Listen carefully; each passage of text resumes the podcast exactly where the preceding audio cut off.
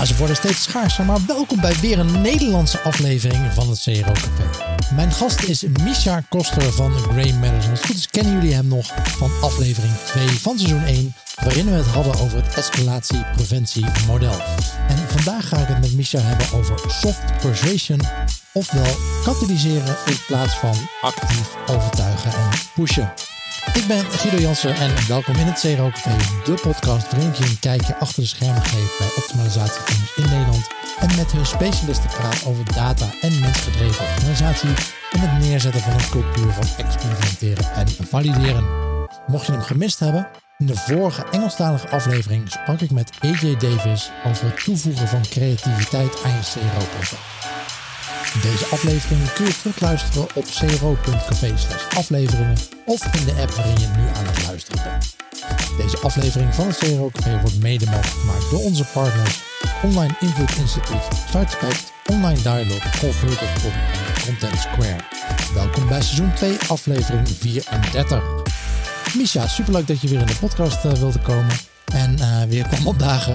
En uh, we gaan het dus hebben over soft persuasion. Dus dan wil ik eigenlijk van jou eerst wel even weten wat jij daar dan onder verstaat.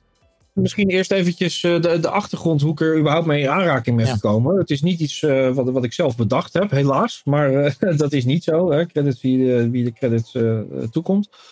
Um, ik ben al een tijdje een groot fan van, van Jonah Burger. Ja. Uh, die, uh, die heeft een aantal boeken geschreven waar ik, uh, die ik heel goed vind. Hidden Persuasion um, en um, Contagious. over sociale besmettelijkheid van, van ideeën, zeg maar. Over word of mouth gaat dat voornamelijk.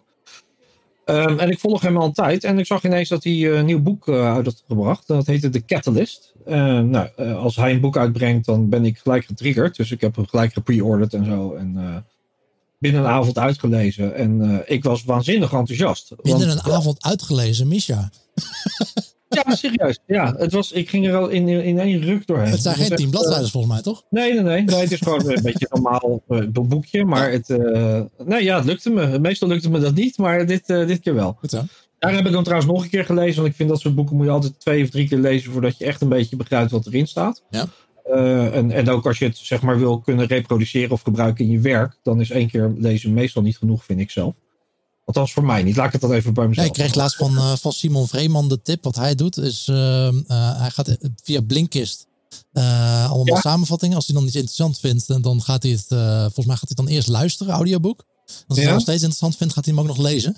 En op die manier kun je dat best wel goed retainen. Ook omdat je dat verschillende media gebruikt om een totje te nemen. Ja, precies. Maar goed, even sidestep. Nou, wat, wat ik meestal doe, en dat heb ik dus hier ook gedaan, en zo zijn wij ook weer op deze podcast gekomen, is dat als ik, een, als ik iets echt heel goed vind, dan ga ik het samenvatten. Ja. Uh, dan ga ik het opschrijven. En in dit geval dacht ik, ik ga het gewoon op LinkedIn opschrijven en ik maak er ga ik een, een, een artikel van. En dan kan ik het delen met mensen.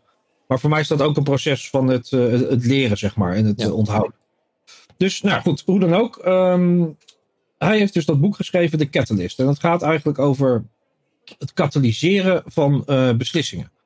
Dus uh, in plaats van uh, mensen te overtuigen dat ze iets gaan doen, zegt hij van nee, we, we, willen eigenlijk, net zoals in de chemie, we willen eigenlijk een soort van ehm, iets in, in, dat, in die conversatie stoppen, waardoor als het ware de beslissing van de persoon gecatalyseerd wordt. Dus dat, dat we eigenlijk die persoon helpen om een beslissing te nemen.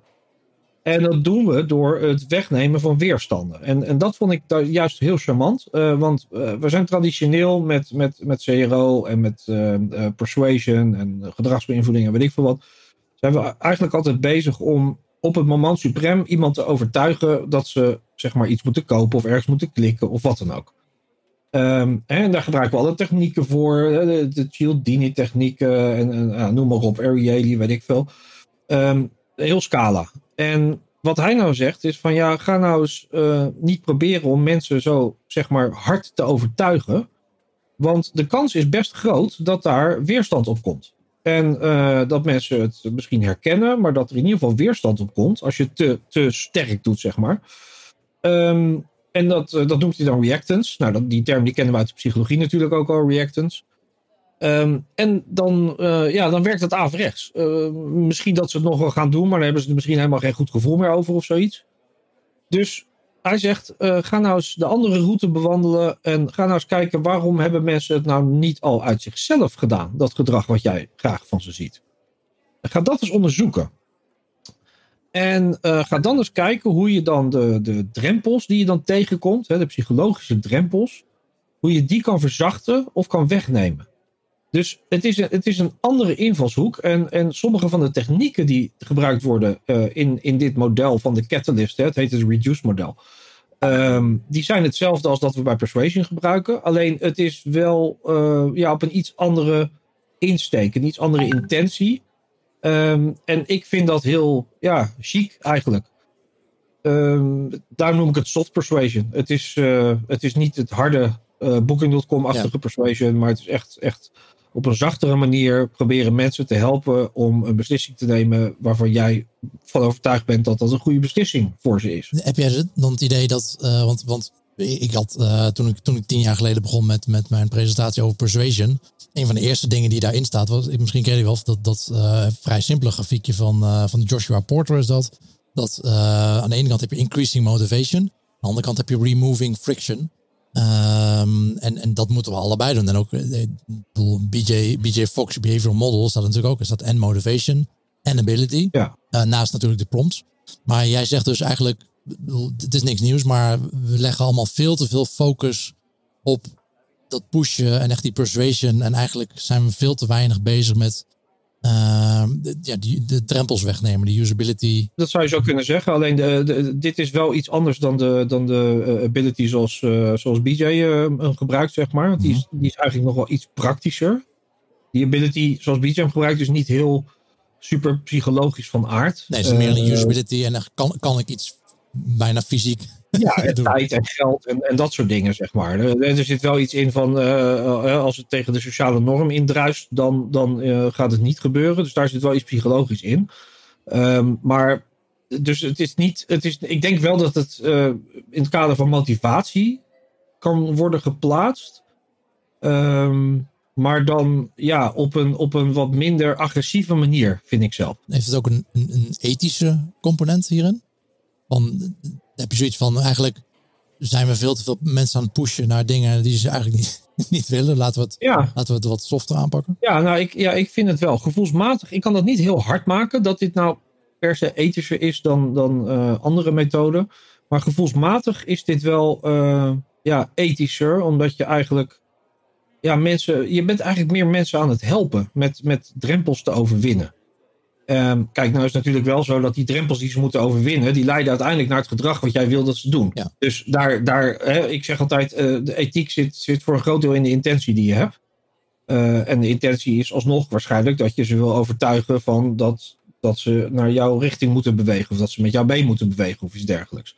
Alleen de manier waarop hoe je dat doet, die is vind ik uh, ja, wat chiquer. En, en misschien wat ethischer. Maar ik vind dat lastig om te zeggen. Want misschien ja, uiteindelijk gaat het om de intentie en niet zozeer om de techniek die je gebruikt, denk ik. Of iets ethisch is of niet. Ja. En dit is gewoon een, een uh, ja, nettere en zachtere techniek. Uh, en in sommige gevallen ook, denk ik, beter bruikbaar. Hè, uh, als je bijvoorbeeld kijkt naar nu, hè, ten tijd, als nu we die podcast opnemen, ehm, coronatijd. Hè, er zijn wat maatregelen versoepeld en zo. Maar wat ik dus op een gegeven moment zat te denken als je het over consumentengedrag hebt. Um, kijk, we leven nu in een tijd waarin wij continu dagelijks worden geconfronteerd met uh, beperkingen in keuzevrijheid. En uh, feitelijk wat, wat Jonah Burger in zijn boek zegt, is dat uh, reactance, dus weerstand, ontstaat doordat mensen het gevoel hebben dat ze in keuzes worden beperkt. Daar, al die, al die technieken die hij heeft, van het reduced model, daar kunnen we het daar nog even over hebben, ja. die zijn eigenlijk allemaal gericht op um, ja, ervoor te zorgen dat mensen niet het gevoel hebben dat ze in één keuzerichting worden geduwd. Want dat, dat roept allemaal rode vlaggetjes op. Nou, ik denk dus dat we nu ten tijde van corona. Um, we worden de hele dag geconfronteerd met keuzevrijheidbeperking. Uh, en, en in een richting gestuurd worden. Dus ik denk dat we veel alerter daarop zijn. Ik denk dat consumenten op dit moment veel alerter zijn op technieken en strategieën die hun keuzevrijheid trachten te beperken. Um, en als je dan dus weer met je harde uh, persuasion technieken gaat komen, dan uh, ja, ben ik bang dat zeker nu ehm, dat daar heel snel reactance op zal ontstaan. Omdat mensen het gewoon, ja, die hebben gewoon meer voelsprieten eigenlijk ervoor nu ontwikkeld. En dan is deze manier, is ook denk ik in, in deze tijd, een, een betere manier om uh, ja, je doelgroep uh, jouw kant op te laten bewegen. For over 10 years now, online dialogue advises about evidence-based conversion optimization with a focus on data and psychology. We see that analyzing data and recognizing customer behavior results in a better online dialogue with your clients and a higher ROI. The team of strategists, analysts, psychologists, and UX specialists gathers valuable insights in the online behavior of your visitors, and together with you, they optimize the different elements of your CRO program through redesign, expert reviews, A B test, and behavioral analysis. For more information about their services, go to onlinedialogue.com. Maar voorheen, uh, ik bedoel, Hobson's uh, Choice Plus One, zeg maar, is ook een bekende ja. uh, methode. Dat we niet één keuze bieden, maar dat we altijd uh, nog een keus erbij zetten. Uh, ja? En die, die, die, tweede keus kunnen we zelfs, uh, dat kan zelfs een keus zijn die eigenlijk naar dezelfde pagina ja, nou, ja, ja, met een ander titeltje.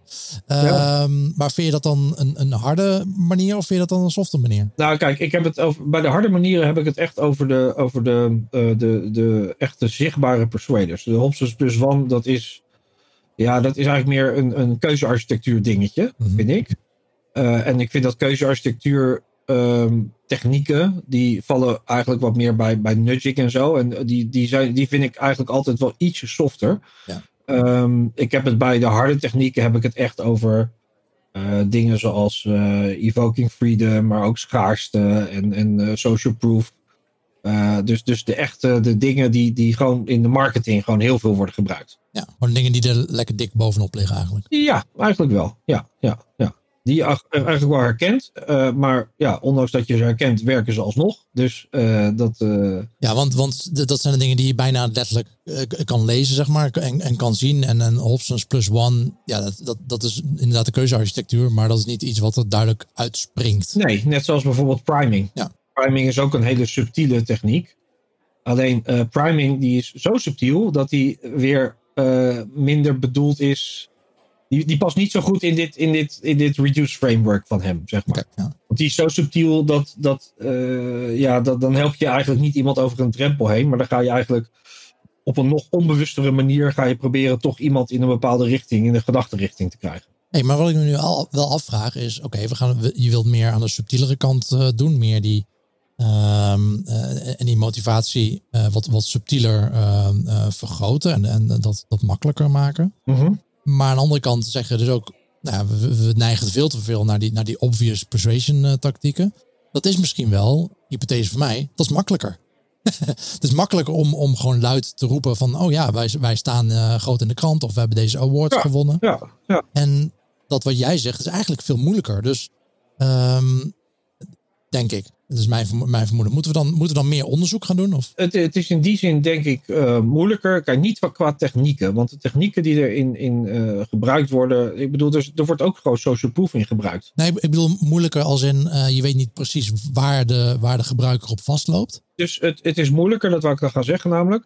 Om, omdat je eigenlijk meer onderzoek van tevoren moet doen. Ja. Dus je moet eigenlijk meer klantinzicht hebben om te achterhalen waar dus die psychologische barrières liggen. Ja. Nou ja, goed, ik, ik doe dat in mijn uh, werk, doe ik dat bijna altijd al. Hè. Ik, ik, als ik een, een, een klus heb uh, om, om wat dan ook aan gedragsbeïnvloeding te doen, dan probeer ik als eerste gewoon klantinzicht te verzamelen.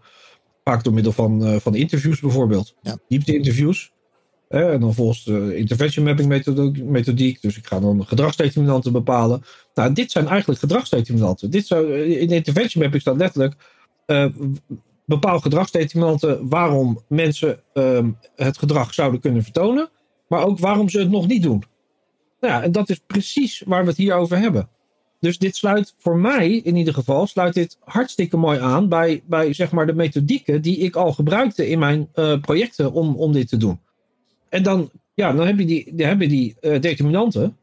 En dan kan je dus vervolgens kiezen: oké, wat ga ik nu doen? Ga ik nu de subtiele route bewandelen? Uh, omdat het misschien een gevoelig onderwerp is. Of omdat mensen zeg maar, hier al heel alert zijn op het feit dat ze ergens naartoe gestuurd worden. Omdat het een ja, gevoelig iets is, zeg maar.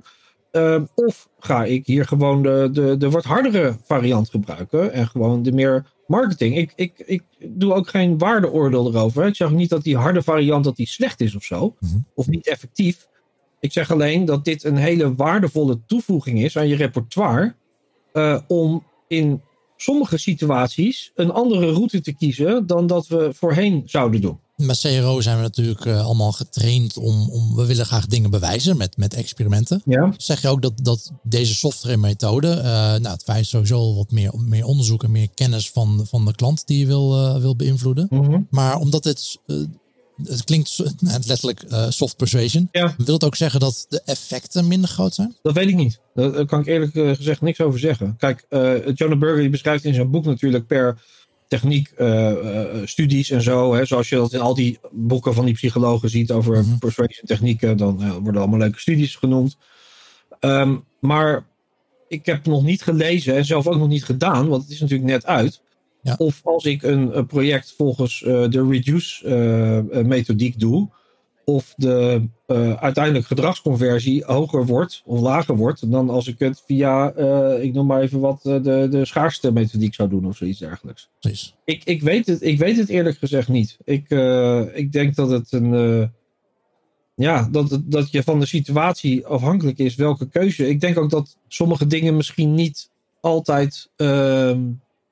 Nou, moet ik dat zeggen? Kijk, het kan, het kan zijn dat het moeilijk meetbaar is. Maar misschien eh, spelen hier ook dingen die, eh, die niet zo makkelijk te meten zijn, zeg maar. En die wel belangrijk zijn. Namelijk of, of iemand zichzelf beïnvloed voelt of niet. Eh, hè, want dat kan weer eh, zeg maar negatieve merkassociaties met zich meebrengen, bijvoorbeeld. Ja, want ik zag laatst, eh, eh, wat zag ik dat nou? Of volgens mij van, van Roger Dooley, een onderzoekje wat hij volgens mij zelf had uitgevoerd. Ja. Van hoeveel vertrouwen, en dat ging niet zozeer over online, maar hoeveel vertrouwen heb je in bepaalde beroepsgroepen? Eh, nou ja, marketing en sales kwam er niet heel goed uit, kan ik je vertellen. De po- politici deden het nog net iets slechter, maar het, maar het scheelde bijzonder weinig. Ja, ja. En, maar dat is natuurlijk wel een beetje de insteek van als, je, als jij je eh, op een website zit en je, en je voelt dat mensen iets aan jou proberen te, te, te verkopen, dat je al Ja. heel snel in een soort defense mechanism eh, schiet. Ja. Eh, en, en dat heel erg wantrouwt wat er, wat er allemaal op je afkomt. Ja, maar nou, nou is dit wel een eh, interessant punt wat je noemt. Want dat is eigenlijk ook mijn eh, enige zeg maar, twijfel over dit hele verhaal. Ehm, kijk, Jonah Burger die stelt hierbij eigenlijk dat als we dit soort technieken op ons af zien komen, dat we heel snel in de reactance eh, schieten. Hè? En dat daardoor zeg maar, we misschien zelfs wel boos worden of dat die technieken gewoon niet werken. Ja. Maar ik heb ook, en ik weet niet meer welk, welk onderzoek het is geweest, maar ik heb ook tijd, tijd geleden eh, zelfs een aantal onderzoeken gelezen waaruit dan blijkt dat mensen, ondanks het feit dat ze weten dat ze beïnvloed worden en dat ze ook nog te horen krijgen welke techniek er gebruikt wordt, dat het toch even sterk werkt als mensen die het niet weten. Maar ik, ken ook, dat ken je ook, dat, dat onderzoekje uit de psychologie, dat eh, twee mensen aan een tafeltje zitten en de onderzoeker vraagt aan de ene persoon, wat die andere persoon gewoon kan horen, aan de ene aan persoon A vraagt van, oh kun je een complimentje geven aan persoon B? Ja, En nou, die persoon doet dat en een persoon B eh, vindt persoon A daardoor leuker en liever. Terwijl het gewoon gevraagd is en geforceerd is van, eh, van kun je die persoon een complimentje geven? En het hoeft niet eens oprecht te zijn, maar het werkt wel. En dat, Ja. dat vraag ik me inderdaad ook af van bij heel veel eh, van dit soort dingen. En daarom denk ik ook dat de neiging is eh, om ook voor die eh, misschien meer harde persuasion te gaan. We weten wel dat het, dat het werkt. En Ja. en het is lekker meetbaar. Ja. Of net, net als bij heel veel pop-ups. Ja, we vinden het allemaal irritant. Maar het werkt zo lekker. het werkt wel. Ja, ja, ja. Nee, nee, daar heb Dus dat is het lastige hierin. Daar heb je helemaal gelijk in. Op de korte en meetbare dingen kun je, kun, je dat, kun je dat zien dat het, dat het wel werkt. Het is natuurlijk een Ja. beetje de vraag nog van oké, wat voor indruk laat je daar lange termijn achter? En komen mensen daardoor niet terug? Maar dat is een... Ja, precies. Maar, en, en ik weet dus ook nog niet of, of wat hij dus in zijn boek eh, stelt, of dat in de praktijk wel echt zo is. Dat mensen dus echt Ja. de, zware reactance vertonen en daardoor afhaken of niet. Ja, want heel veel van de beslissingen die wij nemen zijn natuurlijk ook onbewust. En heel veel dingen, als je, als je al, al die dingen niet doorhebt, en wat je net zegt, zelfs als je ze doorhebt, zijn ze soms zo sterk, dat werkt. Ja, maar dat is ook logisch, hè? Want ik bedoel, die, die, die heuristieken die we hebben, die zijn in principe bedoeld om gewoon twijfel te reduceren. Ja. Continu, de hele dag door. En ook al weet je dat iets, eh, een, een bepaald stukje informatie wordt aangeboden met een bepaald doel, als het jou toch nog helpt om je twijfel te reduceren, dan, ja, dan ga je het toch accepteren. Dan ga je er niet eh, tegenin. Als het maar klopt, hè? als het niet gejokt is, die informatie. Dat is natuurlijk eh, een, een vereiste.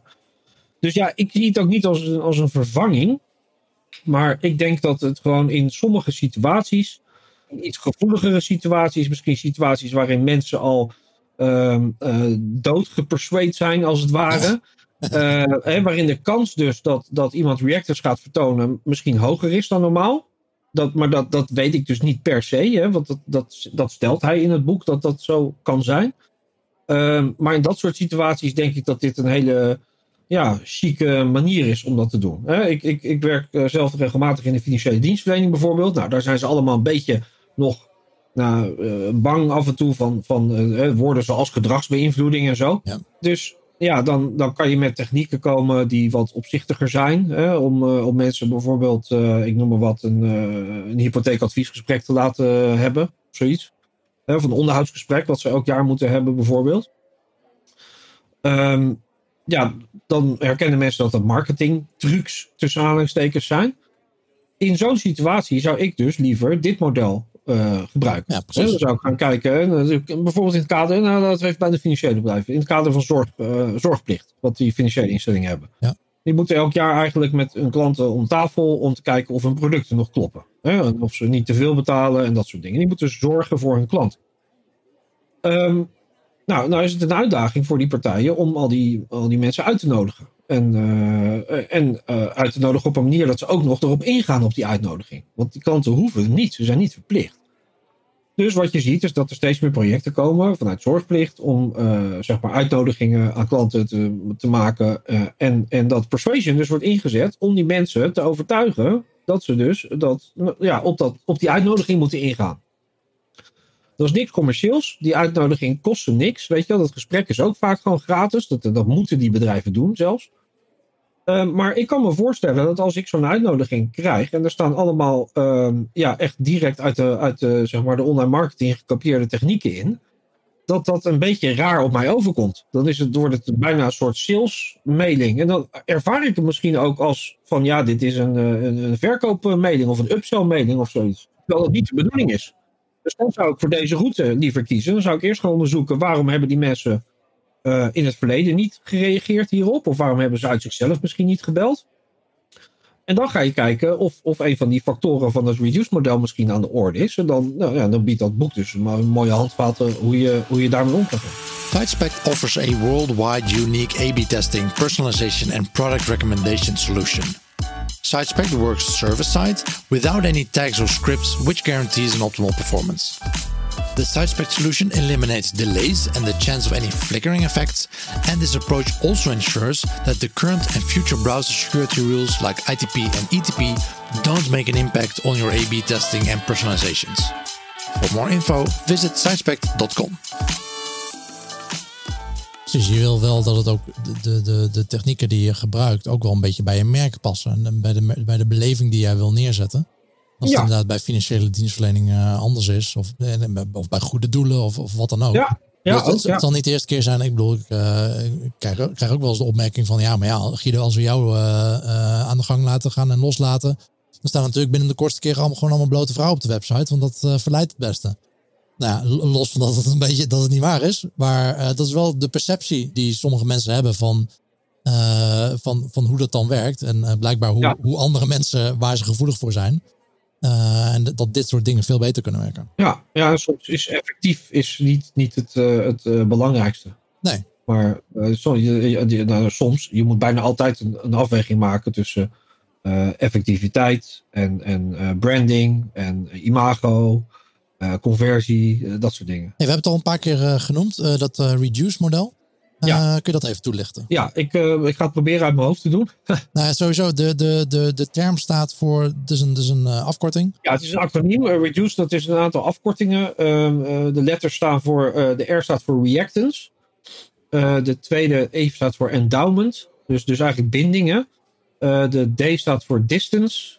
Eh, de psychologische afstand wel te verstaan tussen zeg maar, het gedrag wat nu is en het gedrag wat, wat uh, zou moeten zijn. De U staat voor uncertainty en dat heeft ook te maken met uh, risico's, risicoperceptie. Ja. En de C en de E die zijn voor het gemak even samengevoegd voor corroborating evidence. Dus zeg maar ondersteunend bewijsmateriaal. Wat mensen zou kunnen helpen om die drempel te nemen dat het een goede beslissing is als daar. Ja. En het, wat ik dus gelijk ook al een beetje verwarrend vind, is dat uh, het hele model is eigenlijk bedoeld om reactance te voorkomen. Maar reactance is wel het eerste onderdeel. Dus dat staat wel los genoemd ook weer als een. Als een dus uh, eigenlijk het hele model kan voor reactance veroorzaken. Maar in het model is reactance de eerste drempel. Dus dat, dat is weer een beetje, dat vind ik dan, ja, je mag ook kritisch uit. Ja. Maar en dan staat er dus bij elk uh, van, die, uh, van die onderdelen. Uh, en je hoeft ze niet allemaal te behandelen, maar het gaat er meer om dat hij eigenlijk een overzicht heeft gegeven bij welke, wat voor categorieën psychologische drempels er nou zijn die mensen kunnen ervaren waarom ze dus bepaald gedrag nog niet vertonen. Ja. En die vallen over het algemeen in een van deze categorieën. En dan geeft hij bij elke categorie geeft hij zeg maar een aantal mogelijkheden hoe je uh, ja, die, die drempel zou kunnen verlagen. Dus. Bij reactance uh, geef je bijvoorbeeld. Uh, nou, reactance is heel erg sterk van wat ik net zei. Ehm, mensen die reageren op keuzevrijheidvermindering. Dus wat je in ieder geval moet doen, is mensen een keuze geven.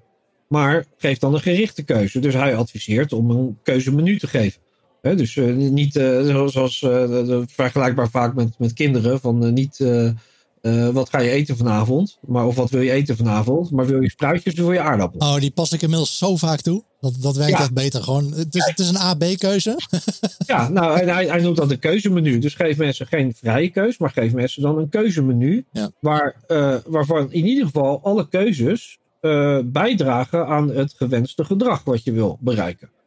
En, en daar, daar staat bij reactors bijvoorbeeld ook in dat je dat, je dat al uh, voor een deel kan voorkomen door gewoon echt begrip te tonen. Echt goed te luisteren naar je doelgroep. En ze het gevoel te geven dat ze dus ja, begrepen worden. Empathie, zeg maar. Uh, dus, dus ga in een, in een uh, dialoog met je, met je doelgroep. Vraag om informatie. Van wat hebben jullie nodig om dit te doen? Wat willen jullie? Hè? Dus, dus wat zijn jullie achterliggende. En dat, dat op zich, sowieso empathie is natuurlijk een soort psychologisch wondermiddel. Maar dat, dat verlaagt al gelijk de drempel. Nou, dat, dat staat dan bij die eerste van, van uh, Reactance, zeg maar. Ja, we gaan, ze, we gaan ze niet allemaal behandelen, want ze staan gewoon netjes in, jou, in jouw blogpost. Dan zullen we ook even naar linken ah. in, de, in de show notes. Ja. Uh, maar zullen we nog eentje doen? Uh, distance vind ik ook wel interessant. Ja, dat is dus eigenlijk de psychologische afstand tussen ja. hetgene wat je, wat je wil bereiken en hetgene wat, je, wat, wat eigenlijk je doelgroep nu doet. En um, ja, je, er zijn een aantal methoden om, om daarmee om te gaan. Um, je kan gaan zoeken naar wat hij dan volgens mij noemt een, een beweegbare middengroep of zo. En dat is dus eigenlijk een groep mensen die wat makkelijker al richting jouw gewenste gedrag bewogen kunnen worden. En daardoor eigenlijk sociaal bewijs creëren voor de anderen, zeg maar. Oh ja, ja, ja. want je hebt, je hebt natuurlijk altijd mensen die sowieso wel bij jou gaan kopen. Om wat voor reden dan ook. Maar uh, je, je, hoeft ze Ja. bijna niet te overtuigen. Ze, ze gaan sowieso kopen. Aan de andere kant heb je mensen die eigenlijk nooit bij jou gaan kopen. Die komen alleen maar op jouw website. Als ze er al komen, uh, omdat ze wat informatie nodig hebben. En ze zijn weer weg. Uh, misschien Ja. is het een concurrent. Ja. Uh, Ja, die gaan ja, toch nooit kopen. Uh, maar er zit altijd een groot grijs gebied van mensen die daar zijn. Die wel interesse hebben. Die nog wel overtuigd kunnen worden. Ja, en wat kun je daar dan mee? Ja, en, en het, het lastige hiervan is natuurlijk wel dat het, het gaat, in principe is, dit, is deze eh, oplossing ge- gestoeld op sociaal bewijs, op consensus, Mhm. op normgedrag. Ehm, dus je wil een, een bepaalde groep laten bewegen, maar als je die wil gebruiken om die andere groep te laten bewegen, dan moet je wel weten hoeveel mensen er bewogen hebben. Ja. Je moet wel eigenlijk dat sociaal bewijs hebben om die andere groep te helpen om een beslissing te maken. eh, dat, dat er dus al wat mensen, zeg maar, dat gedrag vertoond hebben. Ja, over sociaal bewijs gesproken. Ik zag laatst, eh, dat was deze week op Wikipedia. Misschien heb je hem ook wel gezien. Staat nu weer zo'n blokje boven. Één in de zoveel tijd vragen ze bij Wikipedia natuurlijk eh, om, om donaties. Omdat het, eh, het is, het is, Donaties, ja, heb, ik heb wel een paar keer het, is geen, eh, eh, het is geen winst, winstgedreven onderneming, eh, Wikipedia. Dus die, die leven daarvan. En vroegen ze om donaties. En dat, dat gebeurt regelmatig. Maar er stond zo'n blokje boven. Nou, sowieso, het was al gepersonaliseerd als in ehm eh, hey, beste gebruiker uit Nederland. Dus daar, eh, daar kwamen ze al mee. Maar daarna kwam de zin van, ja, we hebben maar, eh, er zijn maar heel weinig mensen die, eh, die doneren. Er zijn, zijn maar 2% van de mensen die dit gebruiken, die wat, wat teruggeven. Dus 98%, er stond er ook letterlijk 98% van de gebruikers doneert helemaal niet. Oeh, Ja, oeh, die- oeh, oeh. Toen ik dat ja. las, dacht ik van, oh jee. Ik heb toevallig net eh, maandag een coaching sessie gehad met een klant. Om, om, en, en daar hadden we het hier over. Dat, dat is echt de nummer één manier hoe hoe sociaal bewijs uh, verkeerd gebruikt wordt. Als, als een schrikeffect, zeg maar. Ja, het is niet echt sociaal bewijs, maar vaak zijn schrikeffecten of, of waarschuwingen die, uh, ja, die zorgen voor negatief sociaal bewijs. Ja. Dus nee, het is niet zo slim. Nee, nee, het klassieke voorbeeld hiervan is volgens mij uit Yellowstone. Ja, klopt. Ja, ja, ja, ja, dat onderzoek uh, dat, uh, dat mensen hun uh, afval weggooien. Nou, volgens mij was dat dat ze, dat ze onderdelen, uit het, uit het, onderdelen uit het park meenemen. Dus een steen als... als ja, versteende, versteende bomen of zo. Ja, zoiets inderdaad. Dus dat staat er bij het begin van het park hadden ze neergezet van... ja, ik weet het exacte percentage niet, maar zeg iets van 75, 80 procent van de mensen neemt iets mee uit het park. Doe dat niet, want dat is, dat is slecht voor het park. Want dan houden we geen park meer over. En nemen, mensen al ja. mee. Maar ja, Vervolgens denkt iedereen in het park van, oh ja, nou, 80% van de mensen doet het. daar kan, daar kan ik ook wel wat meenemen. Ja, precies. Dus, en datzelfde, exact hetzelfde dus bij, uh, bij Wikipedia. Ik zal er even een screenshotje van maken. Uh, het staat er nog steeds. Ik zie hem nu uh, voor oh, me. Dat wel lachen. Ja, moet je even... Even Daar staat letterlijk, we depend on donations for, from exceptional readers. Fewer than 2%, give. Oh, oh jee. Oh. Je zou ze, ja. bijna, je zou ze bijna gaan mailen, hè? Van uh, jongens, ja. uh, kom op. Ja, Wikipedia kun je natuurlijk editen, maar dat bericht nog net niet. Ja. Ja. Maar goed, dat is dus uh, distance sociale, de, de afstand uh, proberen kleiner te maken. Ja, nou, dat is één manier. En de andere manier is eigenlijk gewoon, ja, die, die we allemaal kennen als, als commitment en consistentie. Dus, dus laat ze gewoon al een, een klein stapje nemen in die richting om een beetje te wennen. Uh, en, of, of de voet in de doortechniek, of hoe je het ook noemt. dat is ook een manier om de afstand te verkleinen. Dus laat ze al een klein stapje nemen dat niet zo eng is. En dat wel in, in die richting is. Ja. Uh, ja, en dan logischerwijs als je een stapje genomen hebt, dan verklein je de afstand. Ja. Yesterday's brainstorm was so good. I really liked Steph's idea of running that test on the call to action buttons. Making them orange will really make them stand out, don't you think? Yeah, right. Do you want to design real A-B test winners and achieve enormous conversion uplift? Then stop brainstorming and take a scientific approach. If you can read Dutch, follow the steps in Online Invloed, the bestseller on managementbook.nl. Or enroll in the author's course and become an expert in applying proven behavioral science yourself. Go to onlineinfluence.com for more information and free downloads. Ja, en dus het hele idee van dat uh, reduce model is dus van oké, okay, ik wil wat softere technieken gaan toepassen. Laat ik dat reduce model er even bij pakken. Uh, van, van ja, wat... en de technieken, zoals je hoort, die zijn op zich al wel bekend. Hè? Want we gebruiken hier ook gewoon commitment en consistency en, en sociaal bewijs en wederkerigheid en weet ik veel wat. Uh, alleen, ja, ze worden op een, denk ik, ander moment ingezet. Misschien voorafgaand aan een beslissing zelfs. En niet op het moment dat je iemand wil persuaden dat hij de beslissing neemt. Ja. Hè? Dus op het moment suprem, zeg maar. Uh, en met een iets andere, ja... Uh, een andere bril andere bril, ja. ja, een andere, ja, niet een andere doelstelling, maar ja, de intentie is net even iets, iets, uh, al, iets, iets meer gericht op toch mensen zelf een keuze laten maken. Ja, precies. Dus dat is allemaal niet iets niet uh, schokkend wereldnieuws wat er in de, in de Catalyst uh, staat. Maar het is gewoon een andere manier van toepassen van de technieken die we allemaal eigenlijk al helemaal kennen en gebruiken. Ja, ja, zo zou je het kunnen zeggen. Ja. Hey, heb je nog, uh, wat, wat zijn andere dingen waar je, waar je nu mee bezig bent? Wat ga, waar ga je de komende tijd aan werken? Nog andere boeken die je gaat lezen bijvoorbeeld? nee, ik heb, ik, ik, uh, deze vond ik erg leuk. Ik heb, uh, nou ja, ik, ik ben wel bezig met het Behavior Wheel Model boek. dus het, het BCOM boek. Ik weet niet of je dat kent. nee, vertel. Dat is door Susan Mitchie geschreven, Engeland. Uh, zij heeft samen met een aantal anderen het uh, gedragsmodel uh, BCOM gemaakt. Ja. Wat eigenlijk best wel lijkt op het gedragsmodel van Fogg. Alleen het is ja, veel uitgebreider. En er staat ook nog iets als opportunity bij. Maar, maar is het, is het BCOM of is het COMBI? Of combi, sorry. ja, ja. ja, behavior. Het is ook behavior. Uh, en dan uh, motivation, opportunity. En nou, die andere, ik weet niet. Maar ik, ik ben met het boek bezig. Uh, capability. Capability, ja. Dus daarom zei ik, het lijkt best wel op BJ Fogg. Ja. Omdat ook motivatie en capability. Maar er zit dus ook nog opportunity ja. bij. En dat model dat wordt verder in een, in een wiel uitgewerkt. en, en best wel ver, vergaand uitgewerkt. Oké. Okay. Dus uh, waar, waar Fogg eigenlijk stopt bij die drie letters ja. uh, die hij heeft, uh, wordt hier per letter ook nog eens een keer ja, in taartpunten gezegd van Waaronder valt het? Wat voor type is het? Wat voor technieken passen erbij, et cetera? Ja, ik zie dat wil sources of behavior intervention functions. Dus dan ring daar buiten en dan ring daar weer buiten zijn policy categories. Zullen we er ook even naar linken in, het, in de show notes? Ja, en ik, ik vind dat een, tot nu toe wat ik ervan gezien heb, een zeer uitgebreid en mooi model. En het wordt ook steeds meer gebruikt, ook bij overheden. in, in Engeland ook bij nudge teams en dat soort dingen werken er mee. En het is echt in opmars, zeg maar, dit model.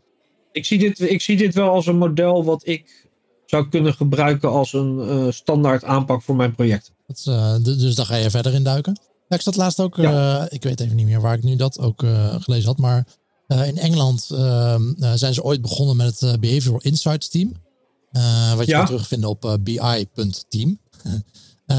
maar dat is inmiddels, volgens mij zijn ze dat al in de jaren negentig al, al mee begonnen.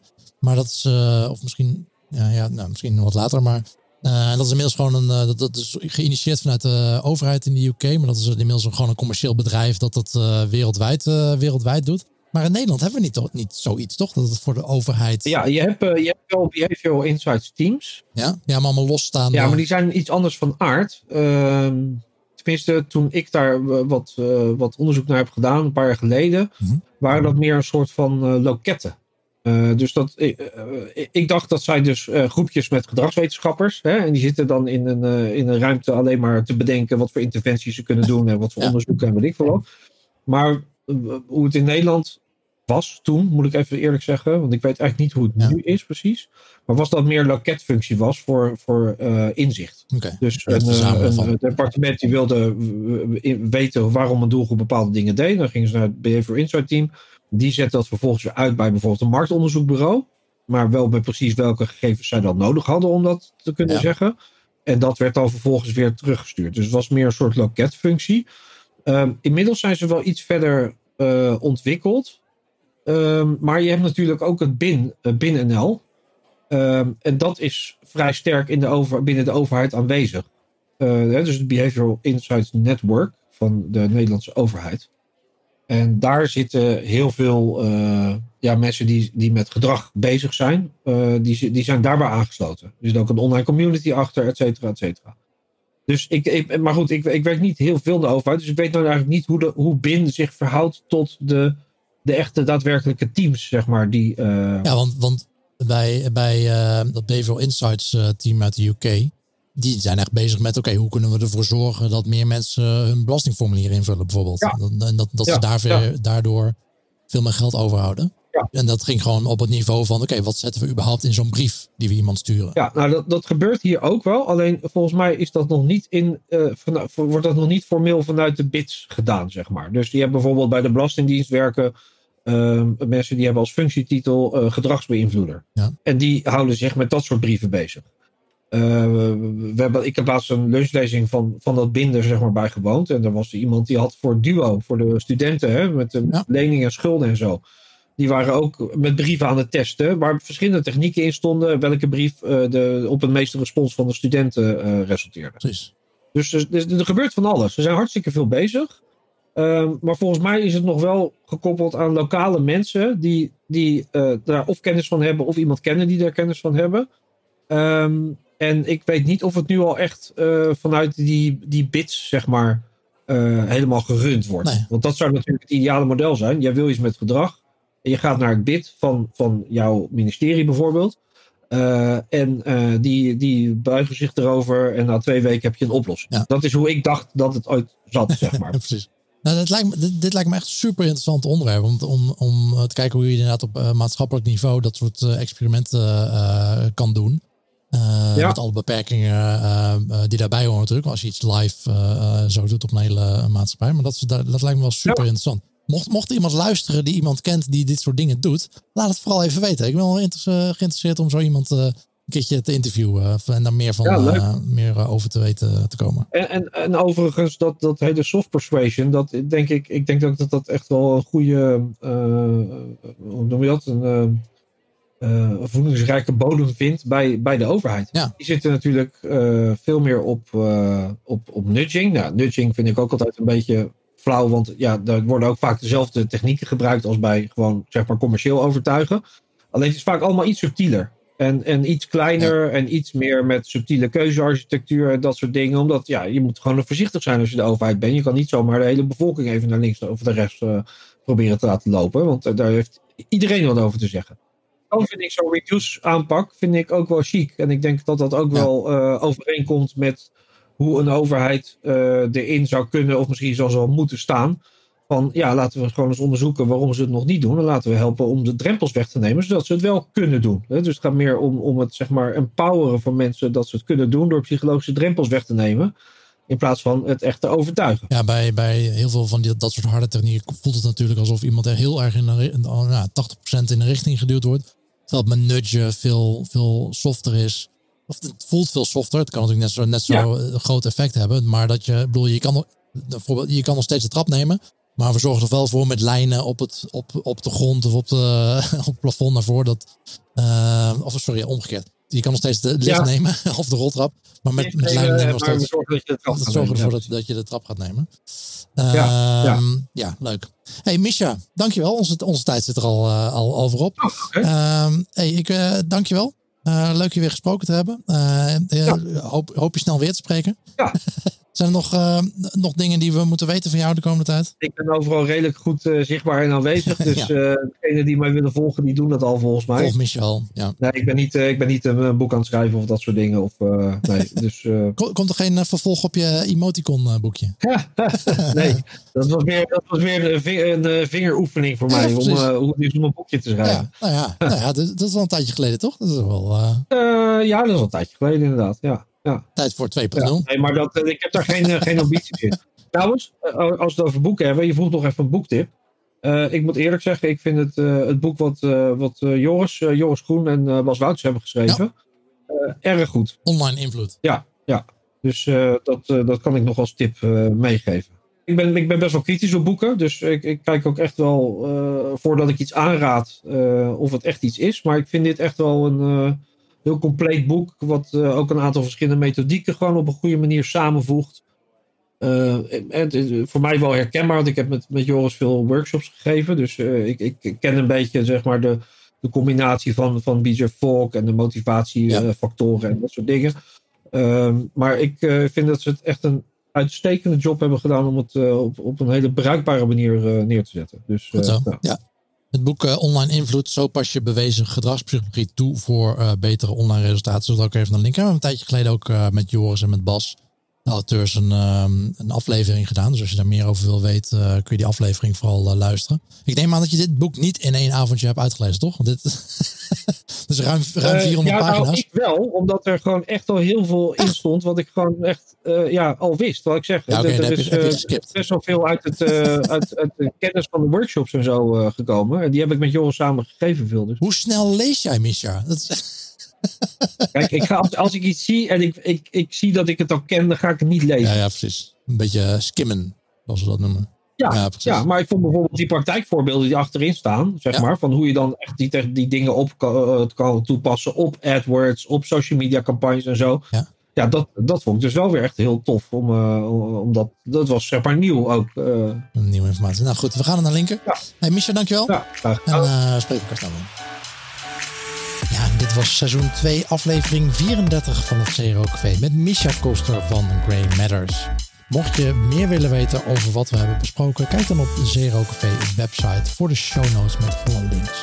En wil je jouw product of dienst nu promoten bij de beste CRO-specialisten van Nederland en daarbuiten?